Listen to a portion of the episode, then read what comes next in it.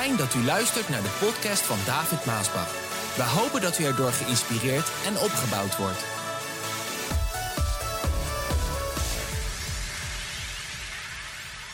De titel van de boodschap van vandaag die luidt Leren leven als een christen. Leren leven als een christen. Punt 1. Leer elke dag je Bijbel lezen. Ik hoor niemand amen zeggen. Leer elke dag je Bijbel lezen. Quote. De meeste christenen eten drie keer per dag om hun lichaam te voeden. Eet u drie keer per dag? Nou, sommigen eten meer. Ja, maar de meeste christenen eten drie keer per dag. Waarom eet je drie keer per dag? Waarom eet je drie keer per dag? Omdat dat goed is voor je lichaam. Om drie keer per dag te eten. Je hoort, tenminste, zo ben ik opgevoed. Je eet s'morgens, smiddags en s'avonds. S'morgens moet je eten als een.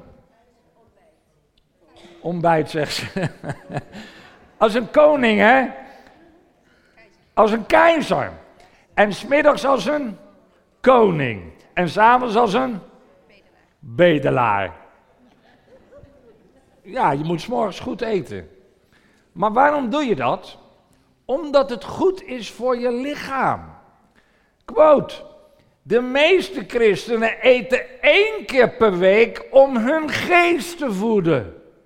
Hallo. Dat is als ze naar de kerk gaan.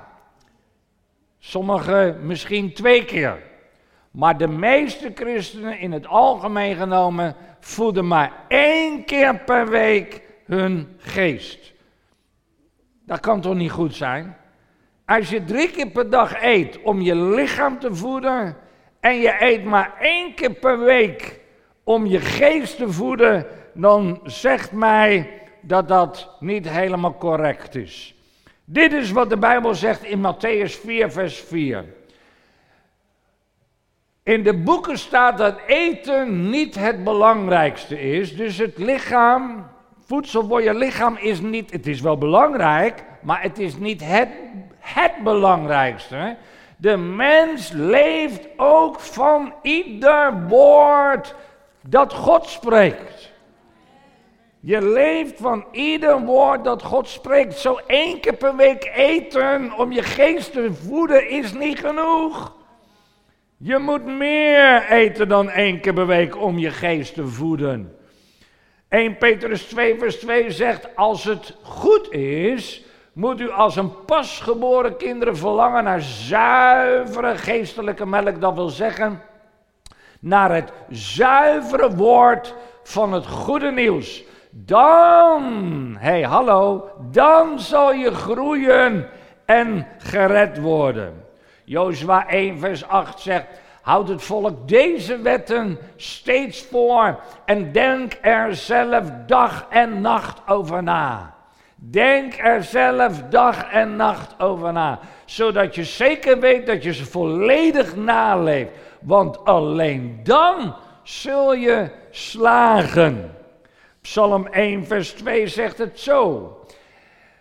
Integendeel, het is voor hem en haar een vreugde om te doen wat de Heer van hem vraagt. Dag en nacht is hij bezig met mijn woord. Hallo, dag en nacht is hij, zij bezig met mijn woord. Spreuken 4, vers 20 zegt het zo. Luister naar mij, mijn zoon, mijn dochter. Stel je open voor wat ik zeg. Houd wijsheid, verstand en kennis voor ogen. Berg ze weg, diep in je hart, want zij geven leven aan wie hem vinden en zijn een medicijn voor het hele lichaam. Het woord van God is leven als je het vindt. En het is een medicijn voor je lichaam. Het is goed voor je lichaam. Het geeft je een lang leven. Zo, de Bijbel elke dag lezen is belangrijk. En daarbij wil ik je aansporen om eigenlijk als je naar de kerk gaat, als je komt en je gaat luisteren, zeker hier en, en naar de boodschap die ik predik, maak er een gewoonte van om een blaadje en een pen mee te nemen naast je Bijbel. Je moet sowieso een gewoonte ervan maken om je Bijbel mee te nemen. Als je dat te veel vindt, dan koop je een klein Bijbeltje. Maar dat moet een gewoonte zijn. Wij moeten de kinderen ook al opvoeden om ze een Bijbeltje mee te geven en een offer. Dat is belangrijk. Jong geleerd, oud gedaan. Maar ook om een pen en een blaadje mee te nemen. En sommige, de jongeren gebruiken tegenwoordig hun, hun telefoon. Waarom? Om notities te maken. Van dingen die de Heer je ineens laat zien. Terwijl je luistert naar de boodschap, openbaart de geest Gods jouw dingen. En die moet je eigenlijk kunnen noteren, want je vergeet het. Als ik s'nachts wakker word en de Heer geeft mij iets, dan schrijf ik het op. De tijd, de plaats en, en exact wat het is. Ik schrijf ook exacte woorden op, want soms is dat erg belangrijk. En waarom doe ik dat?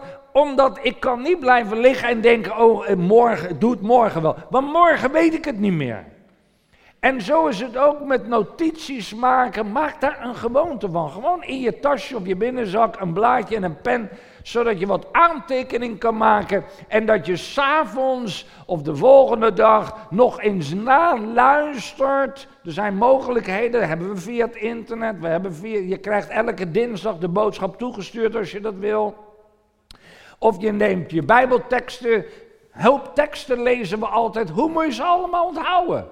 Zo maak die aantekeningen, want dan ben je meer bezig met het woord van God dan alleen maar op die zondagmorgen als je hier bent. Of op de woensdag of de zaterdag. Punt 2.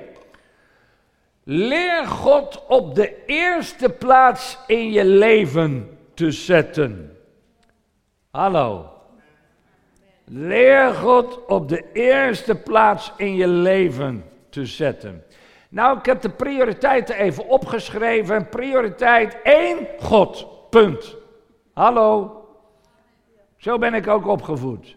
Nummer 1, God. Punt. Kan niks achter. Geen komma, niks. Gewoon God. Punt.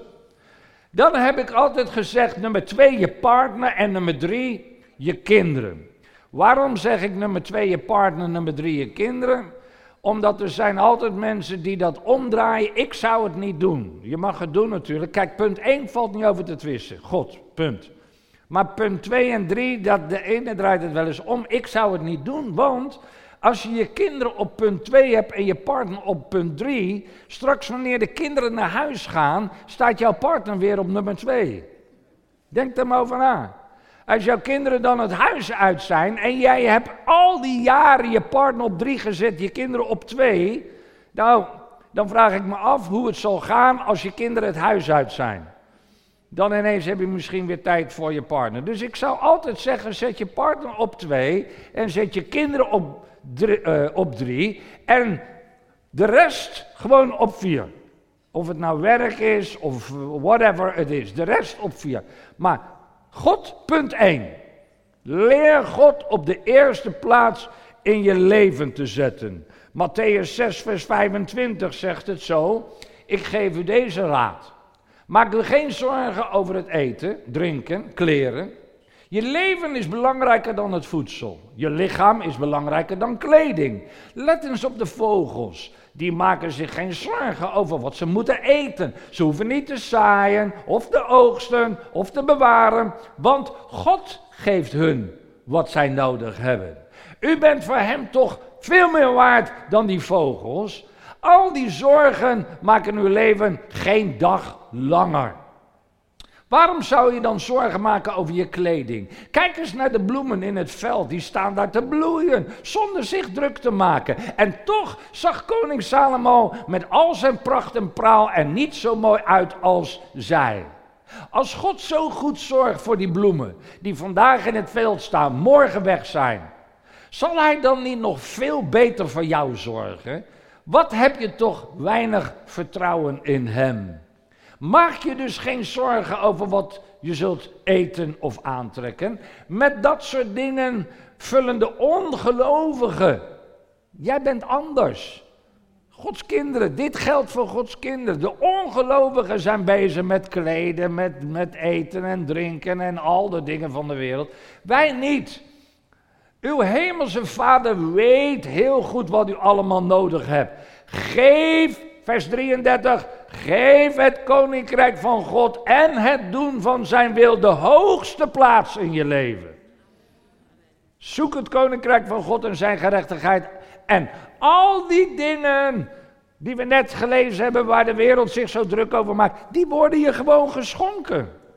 Die worden je gegeven als je je bezighoudt, God op de eerste plaats zet en Hem dient, Hem volgt, Hem gehoorzaamt. Als je daarmee bezig bent, dan zorgt in diezelfde tijd God voor jou om al die dingen te geven waar de wereld dan zo mee bezig is om ze te krijgen en om ze te ontvangen.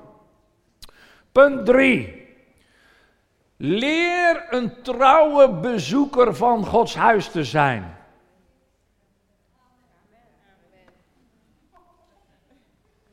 Ik vond dat maar heel karig. Ik denk dat ik hier preek voor mensen die het niet met me eens zijn. Hallo. Of ben je bang om amen te zeggen, erachter te staan, omdat het misschien tegen je getuigt? Niet? Dit zijn, de, de, de titel is, leer te leven als een christen. Dit zijn dingen die wij moeten leren en in praktijk brengen, of ik moet zeggen leren in praktijk te brengen, om te kunnen leven als een christen. Het is toch logisch, als christen moet je de Bijbel lezen. Logisch toch? En dan niet één keer per week, maar elke dag. Het is toch logisch om een, wat was nummer twee? Uh, God op de eerste plaats te zetten. Zoals dat waar is, dan hoor jij in dit geval amen te zeggen. Je hoeft voor mij niet naar elke regel amen te zeggen. Want mocht je dat doen, dan moet ik je weer stoppen en zeggen, nou moet je even stil zijn. Maar bij tijd en wijle mag je amen zeggen als je zegt, ik ben het daarmee eens. En als, als je eerlijk bent, dan moet je het ook kunnen zeggen als het misschien tegen jou praat nu. Dat, dat de Heer tegen jou zegt, hé hey, luister eens, je zegt wel amen, maar dit betekent ook voor jou elke dag je Bijbel lezen. Maar dat doe ik nog niet, Heer. Dan moet je het gaan doen.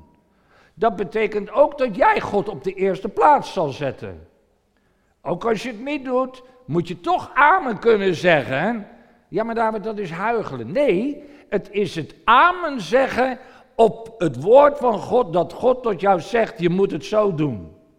Of jij dat doet, is een andere zaak, maar je weet wel hoe het moet. En dat betekent dus, je kan je bekeren, je kan het gaan doen zoals God het wil. Nou, dan is punt 3, leer een trouwe bezoeker te zijn van Gods huis. En dat is belangrijk, omdat de Bijbel ons dit leert. Hebreeën 10 zegt vers 25, wij moeten niet uit onze samenkomsten wegblijven. Sommigen maken daar een gewoonte van. Nou, ik durf vandaag te zeggen, velen maken daar vandaag een gewoonte van. Maar dat is niet goed. Duidelijke taal toch? Het is niet goed. We moeten elkaar bemoedigen en waarschuwen. Natuurlijk, ik op de eerste plaats als, als voorganger. Waarschuwen, bemoedigen. Vooral nu dat je weet dat het niet lang meer zal zijn voordat de Heer Jezus terugkomt. Het is dus niet goed om veel te makkelijk, zoals men vandaag omgaat, om. Nou, ik ga vandaag maar niet. Als je God op de eerste plaats hebt staan en als je trouw de gemeente bezoekt en je krijgt de keuze, kijk hier ligt het ook nog eens aan.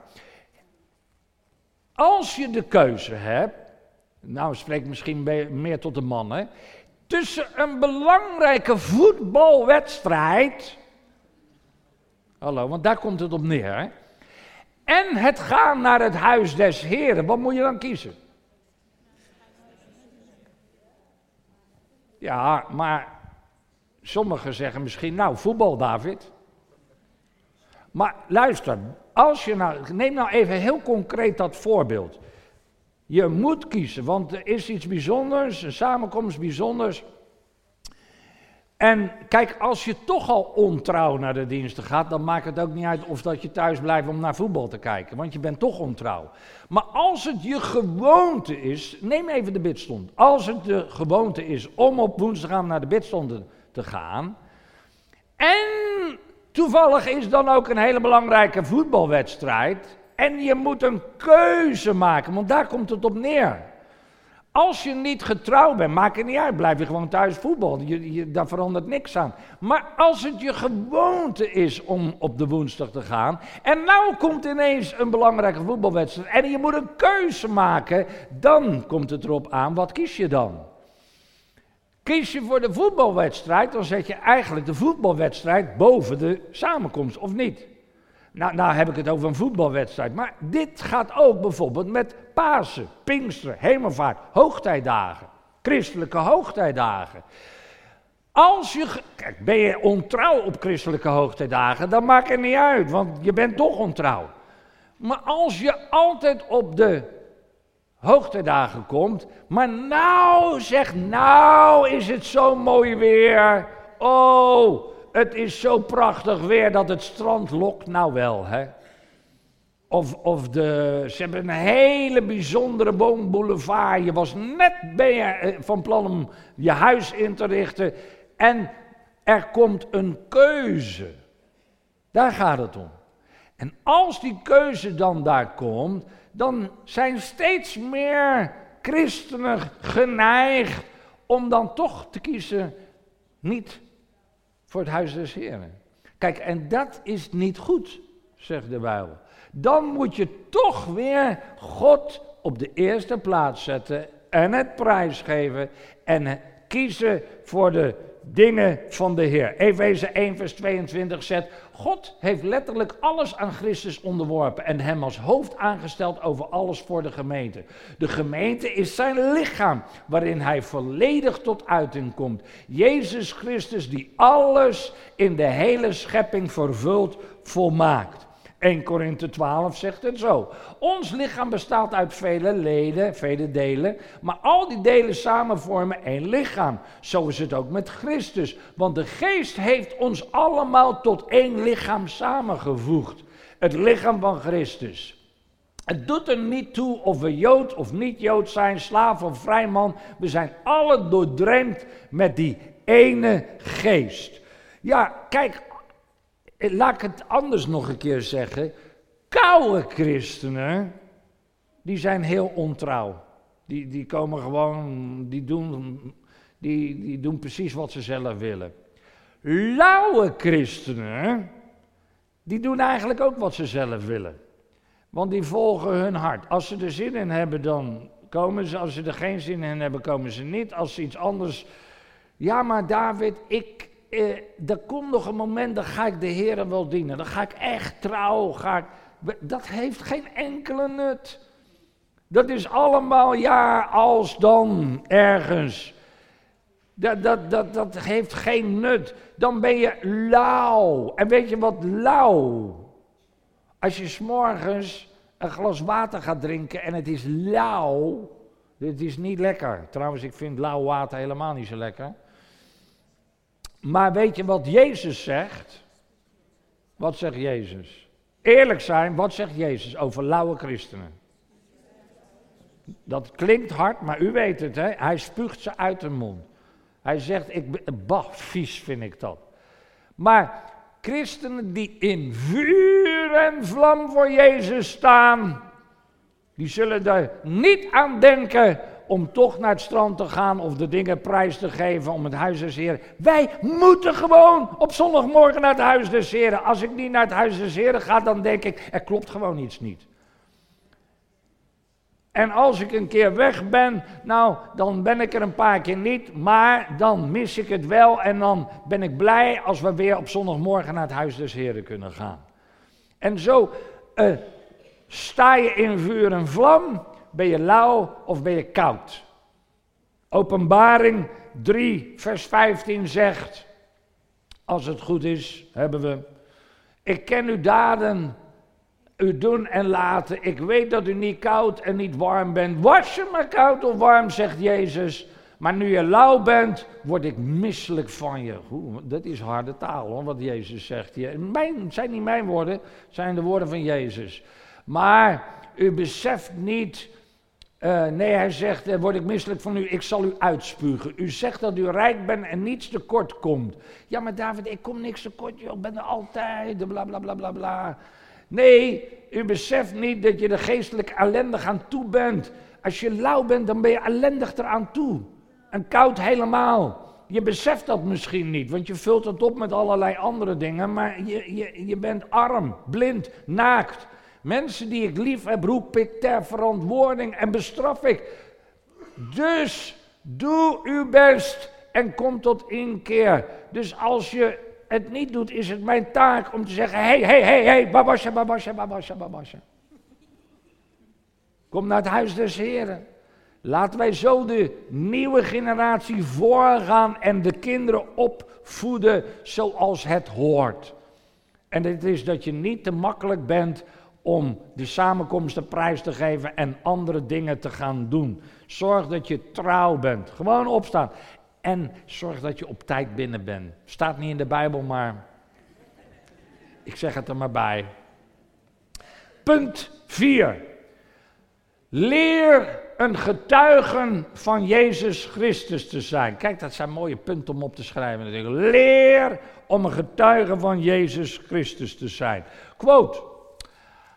Als je elke dag, tenminste zo dacht ik erover, als je elke dag je Bijbel leest, dat was punt 1, als je God op de eerste plaats in je leven zet, dat is punt 2, als je de samenkomsten bezoekt, 3, dan gaat punt 4, om een getuige van Jezus te zijn, gaat vanzelf.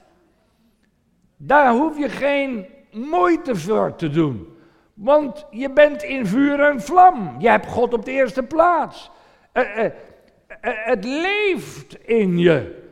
je. Je houdt zoveel van, van God en alles wat van God is, dat ja, als een meisje of een jongen hopeloos verliefd is. Hallo, denk dan eens na, wat gebeurt er dan met zo iemand? Die praat en praat over de vriend of over de vriendin, omdat ze is verliefd. Hij is verliefd. Zo is het ook met ons en God. Als wij zoveel van God houden, we hebben Hem op de eerste plaats. En we lezen zijn woord elke dag, want we staan in vuur en vlam. Dan hoef je geen moeite te doen om een getuige van Hem te zijn. Dat gaat vanzelf. Even kijken hoor, hoe heb ik dat Vraag 1. Van wie getuigen wij? Antwoord van Jezus Christus en zijn boodschap. Is dat moeilijk of niet? Is niet moeilijk.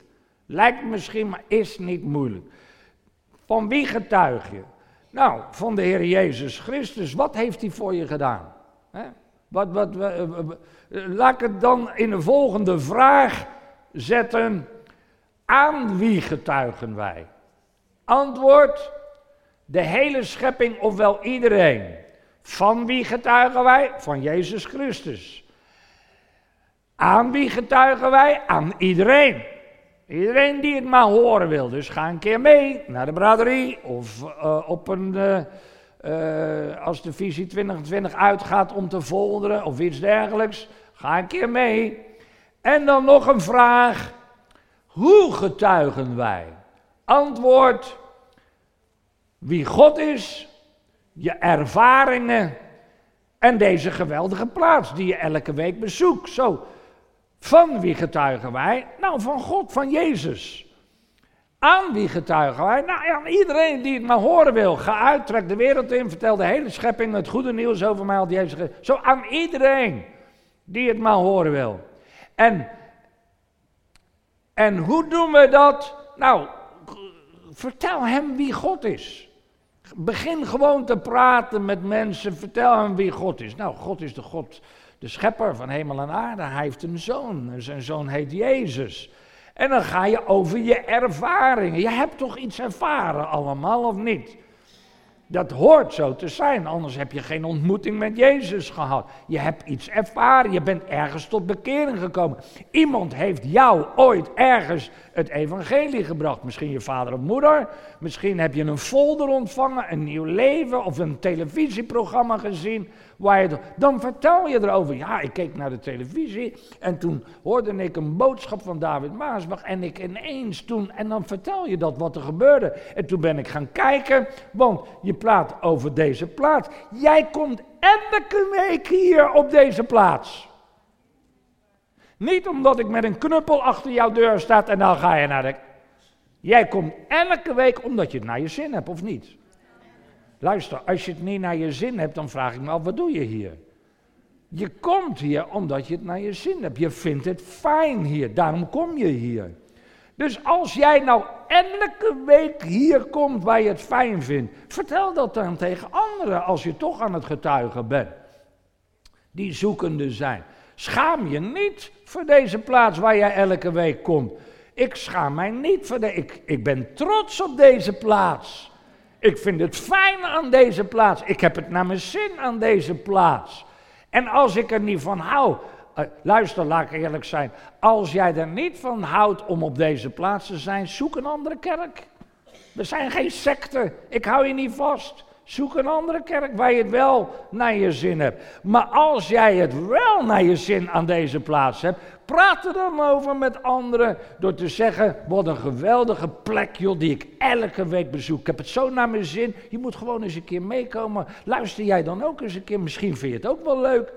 En dat is het getuigen ten opzichte van anderen. Ja, punt 5.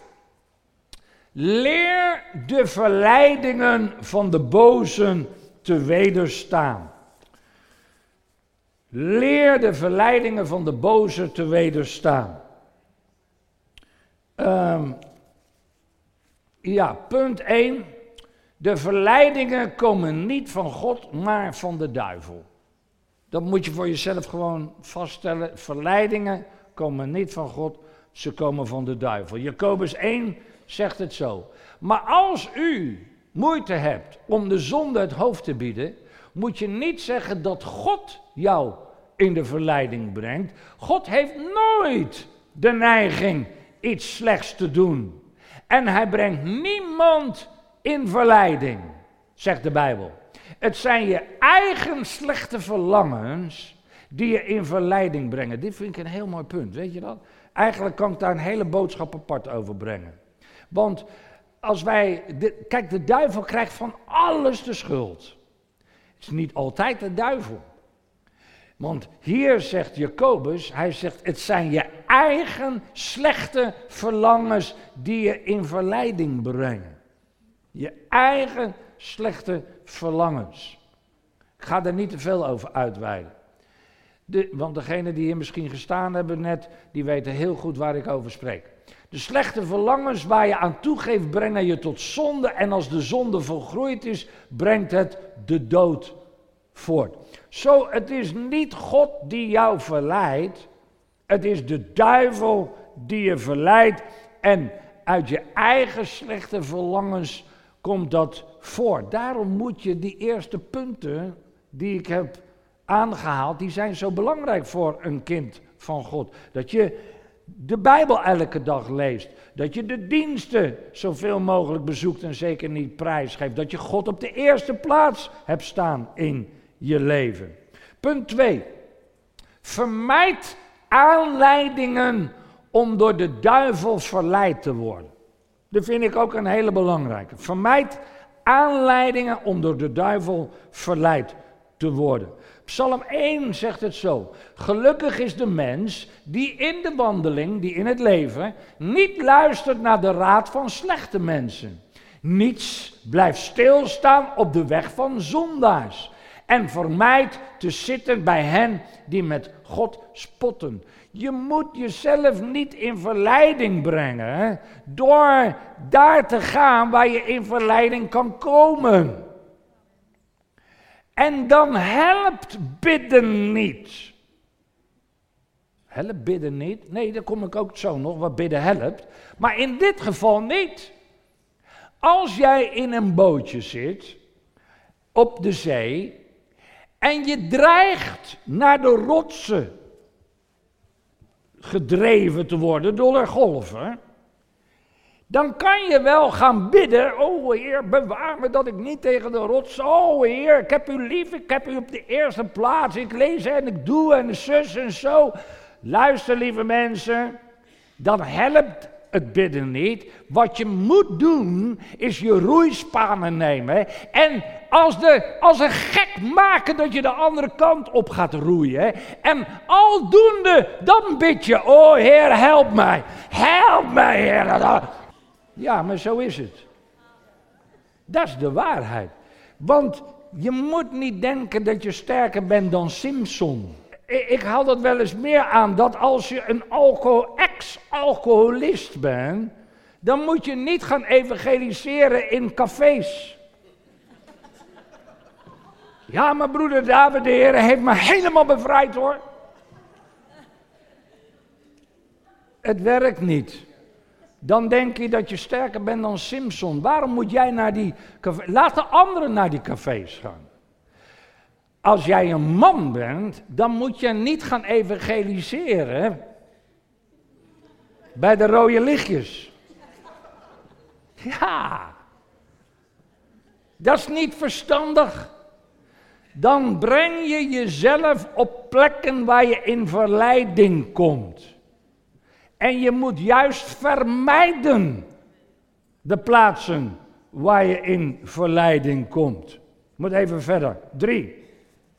Je hebt autoriteit over de duivel en zijn machten. Jacobus 4, vers 7 zegt het. Zo, onderwerp je dus aan God, maar verzet je tegen de duivel. En hij zal van je wegvluchten. Jij hebt autoriteit over de duivel. Maar je moet je verzetten tegen de duivel. En nummer vier, als je valt, sta dan direct weer op. Want dat kan ook. Dat kan altijd. Als je valt, sta dan direct weer op. 1 Johannes 1, vers 9. Maar als wij onze zonde beleiden, bekennen, is God zo trouw en rechtvaardig om ons die te vergeven. Dan reinigt Hij ons van alles, alles, alles, alles wat we verkeerd hebben gedaan. Daarom vind ik het zo belangrijk dat je dat weet. Als je bent gevallen, sta je op. Blijf je niet thuis liggen, ga je niet in bed liggen. Je gaat naar huis des heren, je bekeert je. Je gaat naar voren wanneer de uitnodiging is. Je vraagt om vergeving, je maakt een nieuw begin. Als je valt, sta je direct weer op. En je laat je niet uh, je blijft niet op de grond liggen en ook niet zelf medelijden hebben en zielig doen en iedereen moet om je heen staan en je hebt alles nodig, de hele gemeente draait om jou. Nee, je staat op, je gaat naar het huis des Heer, je maakt een nieuw begin, je vraagt om vergeving en de Heere God vergeeft je. Van al je fouten en al je zonden. Punt 6. Leer de wereld niet lief te hebben. En Johannes 2, vers 15. Houd niet van de zondige wereld en van wat die te bieden heeft. Want als je van de wereld houdt, blijkt daaruit dat je de liefde van de Vader hebt afgewezen. Alles wat van de wereld is, de zondige begeerte, de hebzucht, de hoogmoed, die door macht en bezit ontstaat, is er niet door de Vader, maar door de wereld. Aan de wereld en haar zondige begeerte komt een einde. Maar wie doet wat God wil, zal eeuwig blijven leven. Je bent wel in de wereld, maar je bent niet van de wereld. Zo, je kan niet de wereld ontvluchten en, en, en een hutje op de hei gaan zitten. Je bent erin. Je hebt te maken. Je moet werken. Je hebt te maken. je gaat naar school. Je hebt te maken met onbekeerden. Je, we hebben ermee te maken. Daar, moeten we mee kunnen dealen. Maar je bent er niet van. Je bent niet één van hun. Naakt ben je in de wereld gekomen en naakt ga je er weer uit. Dat is wat de Bijbel ons leert. 1 Timotheus 6 zegt het zo. Per slot van rekening hebben wij bij onze geboorte niets meegebracht. En als wij sterven, zullen we ook niets kunnen meenemen. Als we ons kunnen voeden en kleden, moet ons dat genoeg zijn. Wie graag rijk wil worden, komt al gauw in verleidingen en raakt verstrikt in de begeerte naar onnodige en verkeerde dingen en gaat tenslotte verloren. Het, zegt niet dat het niet goed is, maar je moet voorzichtig zijn als je daarna je hart, hè, je hart erop zet. Want de liefde voor het geld is de eerste stap naar allerlei andere zonden. Sommige mensen hebben zich daar dus zelfs van God afgekeerd en zich veel ellende op de hals gehaald. Met andere woorden, er zijn mensen die God dienden, maar door de wereld lief te hebben en hun hart te zetten op geld en al die dingen die de wereld allemaal zo graag wil hebben, zijn ze uiteindelijk het spoor bijster geraakt en zijn ze de wereld ingegaan. En dienen ze God niet meer. Daarom zegt de Bijbel, wees daar voorzichtig in. Want je komt zo gauw in allerlei verleidingen waardoor je de weg kwijt raakt. Punt 7. Leer om te gaan met je moeilijkheden en problemen. Het gaat allemaal over te leren leven als een christen. Hè? Dit zijn hele mooie punten. Leer om te gaan met je moeilijkheden en problemen in het leven. Jacobus 1 zegt, want als je geloof die beproevingen doorstaat, die moeilijkheden en de problemen in het leven, waar we allemaal mee te maken hebben, dan kan je geduld groeien. Het is belangrijk dat je geduld groeit, zodat je bestand bent tegen de moeilijkheden en problemen. Want denk niet dat jij de enige bent met moeilijkheden en problemen. Ik heb ze ook en soms zou ik willen zeggen, zullen we ruilen? Dat zou ik maar niet doen. Maar wat heb je moeten leren? Geduldig door die dingen heen te gaan. Met de Heer. Hij gaat met je. Hij is aan je zijde, zal je nooit verlaten. Zo je geduld gaat groeien. Je wordt er meer tegen bestand tegen de dingen. Je blijft niet gauw thuis. Je, je, je gaat niet gauw negatief praten. En, je gaat niet gauw in zelfmedelijden komen. Nee, ik ben zo zielig, want de problemen zijn zo groot. Je, je, wordt, je wordt geharderd daardoor in je geloof in de Heere God, dat Hij brengt je er doorheen. En als je geduld dan volgroeid is, zult u zelf volgroeid zijn, alles aankunnen, alles aankunnen en een sterk en zuiver karakter hebben. Dat is wat God wil. Hij wil jou een sterk en goed, zuiver, puur karakter geven. En dat kan je alleen maar krijgen door in die moeilijkheden en problemen er doorheen te gaan, het vertrouwen te hebben op God en zijn woord. Daarom is dat Bijbellezen elke dag zo belangrijk. Ah, ik mis de tijd om het te behandelen. Even kijken hoor. Ja, punt 8. Leer het geheim van bidden. Ik heb een mooi boekje over gebed geschreven. Even kijken, een paar regels even over bidden. Die goed begrijpen wat bidden is, zullen ook begrijpen wat bidden doet. Wij zijn Gods kinderen geworden door het offer van Jezus Christus. Met andere woorden, wij zijn één geworden met de Almachtige God. Sommige christenen weten nog steeds niet wat dat inhoudt of betekent. Als een arme vrouw trouwt met een miljonair, dan wordt deze vrouw schatrijk. Ze is dan miljonairsvrouw. Als een slootje in verbinding komt te staan met een grote rivier, dan kun je uit de sloot net zoveel water halen als in de rivier is. Als je waterkraan verbonden is met een groot waterreservaat, dan kun je net zoveel water beschikken als in het reservoir zit. Als mijn lamp verbonden is aan de krachtcentrale, kan ik net zoveel energie verbruiken als in die krachtcentrale, in die elektriciteitscentrale.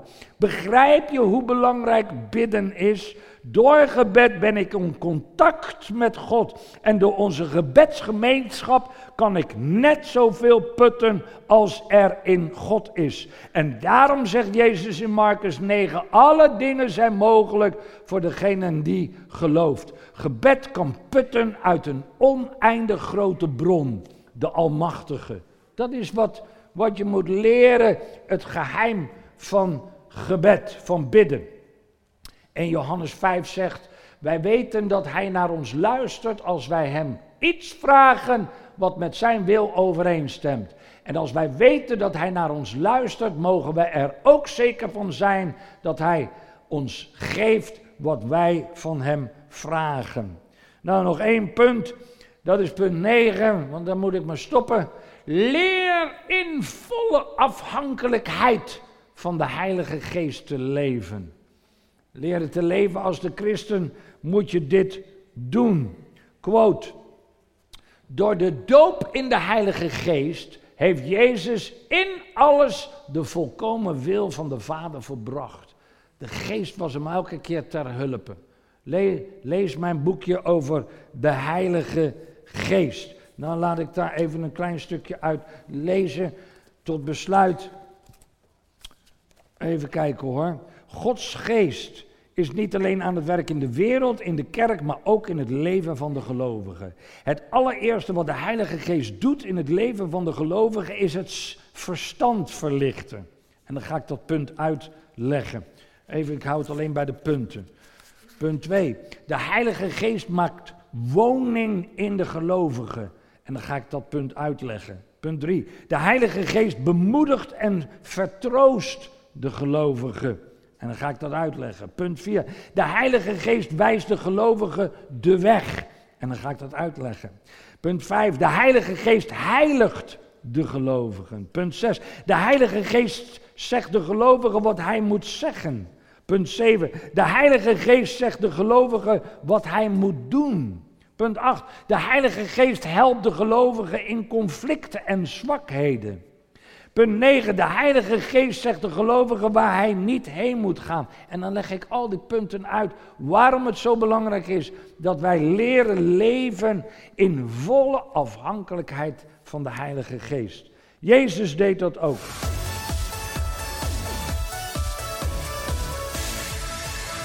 Bedankt voor het luisteren naar deze podcast. Wilt u meer preken beluisteren? Ga dan naar message.maasbachradio.com. Bezoek ook eens onze website www.maasbach.nl.